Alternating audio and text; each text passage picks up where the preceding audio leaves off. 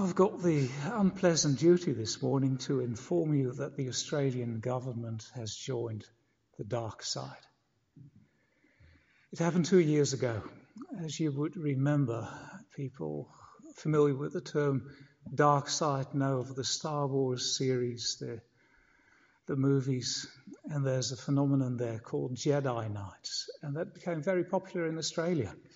In 2001, there were about 58,000 uh, fellow Australians who put Jedi Knight as religion on the census. And that got more and more and more. In 2011, it was over 60,000. So it was, was rising. But the government betrayed us, and with the last census in 2016, all Jedi Knights were moved to an undefined category because the government doesn't want to know about us, Star Wars fans, Knights of the Light. Yes, there are two kingdoms in Star Wars the kingdom of darkness and the kingdom of light.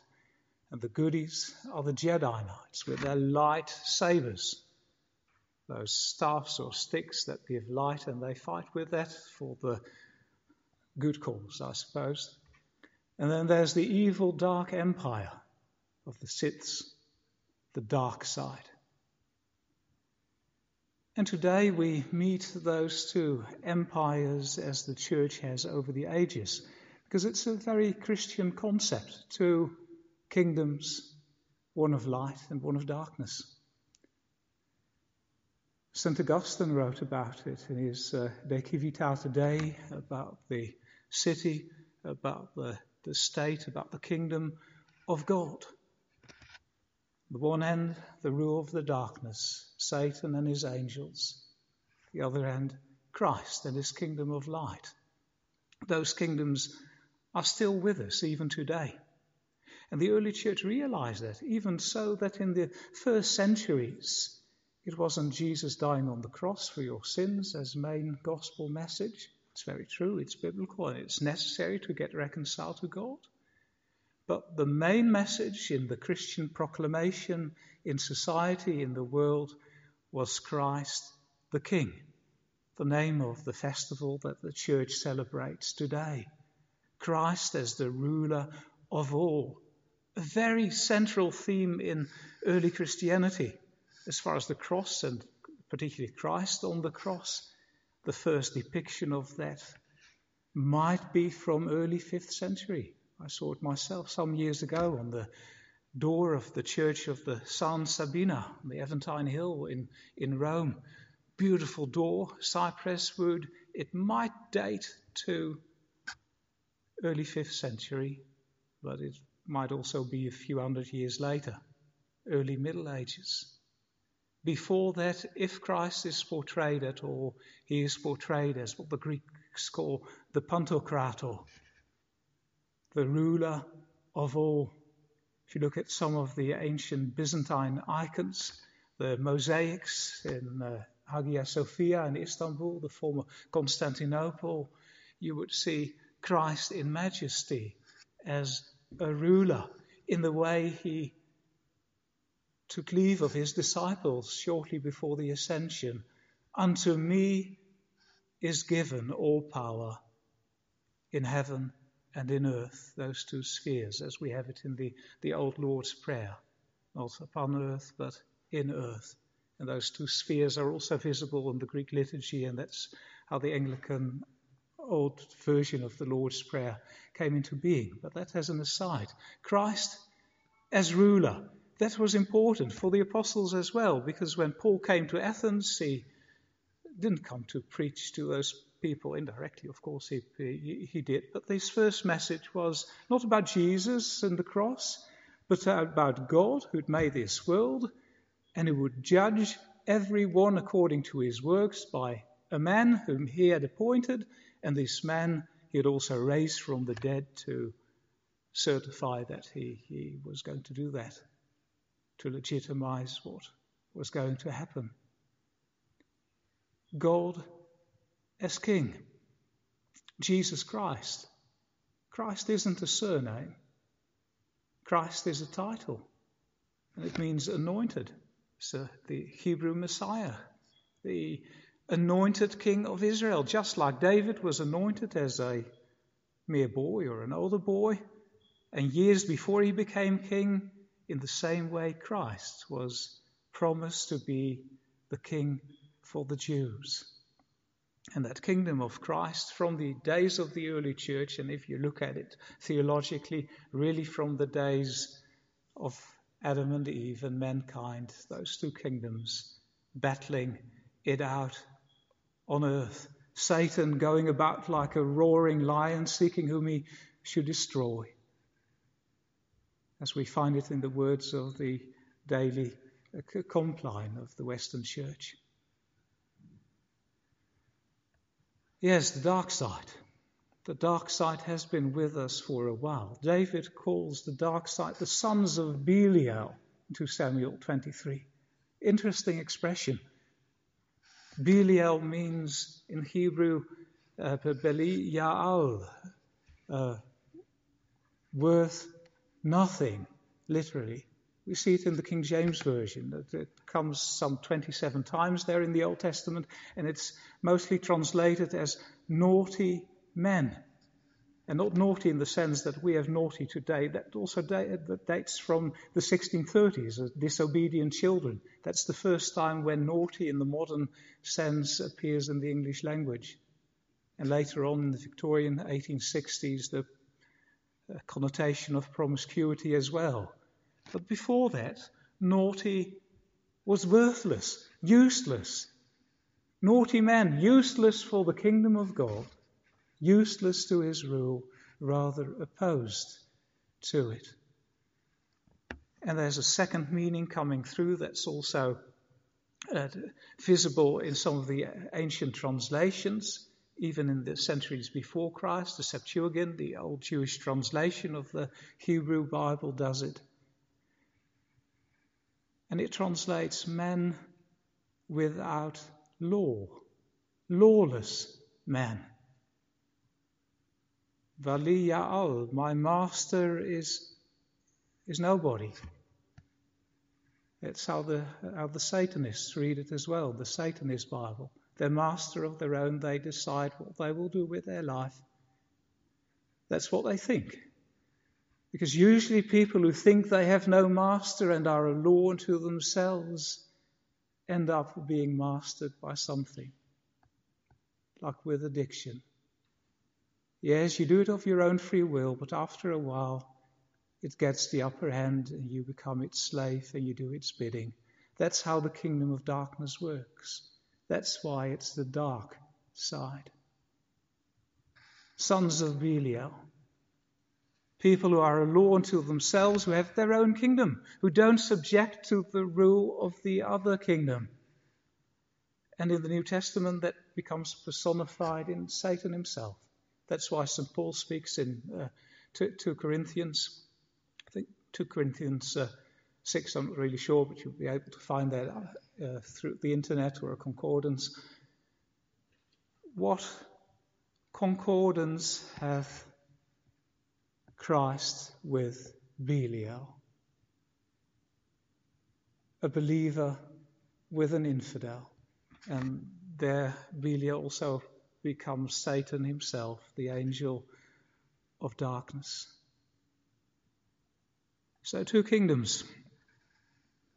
We've also read about the other kingdom, the kingdom of light. It was also presented as light this morning in David's last words, as the sun rising in the morning. We didn't see so much of that this morning, but in Tasmania we have many a beautiful morning, especially after rain, as it's portrayed in, in 2 Samuel.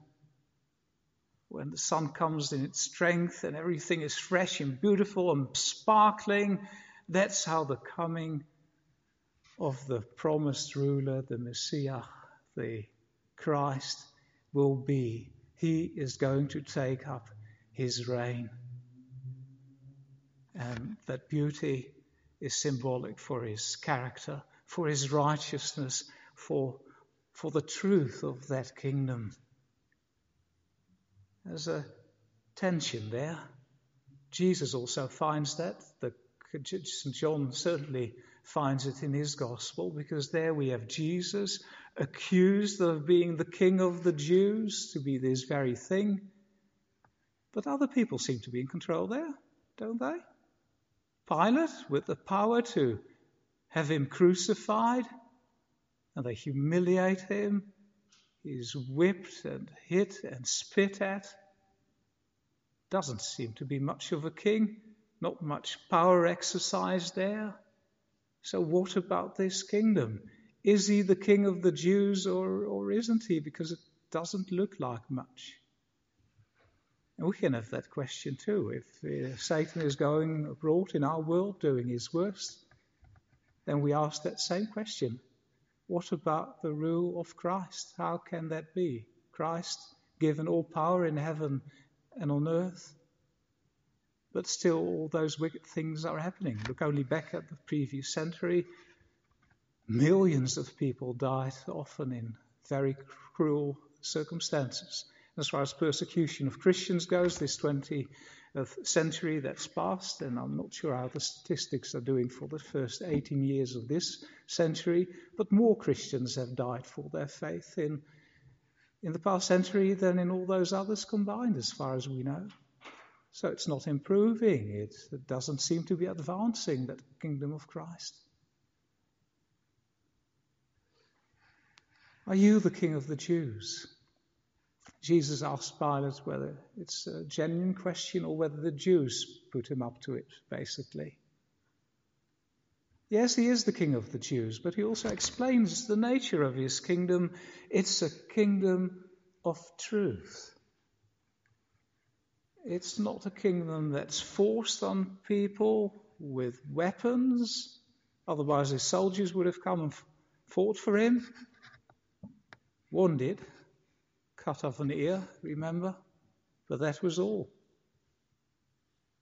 No legions of angels, no other soldiers. He never said a mumbling word, as the Negro spiritual captures the sentiment.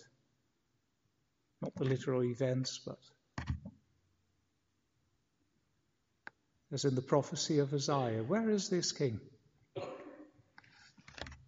It's because this kingdom is not of this world. It doesn't originate here but it's a loyalty to truth, to beauty, to purity, to all things lovely and comely. And it's not forced upon you, but it's the gentle voice of God's Spirit calling us to repentance. It's your kindness that calls us to repentance, O Lord. God is very patient with us. I'm, I'm, so glad that He isn't Zeus of old, the Greek god who threw his thunderbolts if uh, people didn't behave, because none of us would, would have been here this morning. But now we are, because God works through His Word and Spirit. But He does ask obedience, because it's about subjection to the rule of His kingdom. Why? Because it's the kingdom of truth and purity. And if you don't behave that way, then you're going to hurt yourself, you're going to hurt other people, you're going to be hurtful for the cause of God's kingdom, like the thorns that David speaks about in 2 Samuel. The other day I was pulling out uh, brambles, blackberries, and uh, even though I bought myself some of those uh, long gloves, arm gloves for rose pruning, because you really need that, some of the thorns went through, and I had some wood splinters sticking in my fingers while trying to pull out those brambles because they're hurtful. And you can't touch them normally. You can't do with thorns. That's why David says you use an implement, a spear, a shaft with a point of iron, and that's the way how you work it. Because they're useless. And in the end, they're only suitable for burning. Because God is going to judge that behavior. Why? Because it's hurtful. That's why the Lord Jesus, Jesus, meek and mild, is the one who speaks most about hell in Scripture. Most messages about hell and about the eternal fire are in the Gospels and come out of the mouth of Jesus. He also speaks about the fire, the pit of fire and sulfur that was prepared for the devil and his angels. But the sad message of the Gospels is that people are also going to end up there. Why? Because they had the time and God worked, not forcefully, but they joined the dark side anyway. And they're going to be useless, and that's why God is going to settle the scores and judge the world through one man. So there's that tension. On the one hand, Christ has been given all power. The king is dead. Long live the king. But the day of accession still has to come. And he has to actually sit on the throne, take up his reign. And when he's going to do that, it's the Omega stage. It's the last Sunday of the church cycle, starting with the birth of Jesus and the Advent, working up to it. And then today is the last Sunday. Originally, this feast was for the Sunday after All Saints. Pope Pius XI uh, put it there, so the fifth Sunday of October. But it was moved later in the 20th uh, century. And in a way, it's a suitable spot. Looking back at everything, Christ is going to take up his reign in the end of days.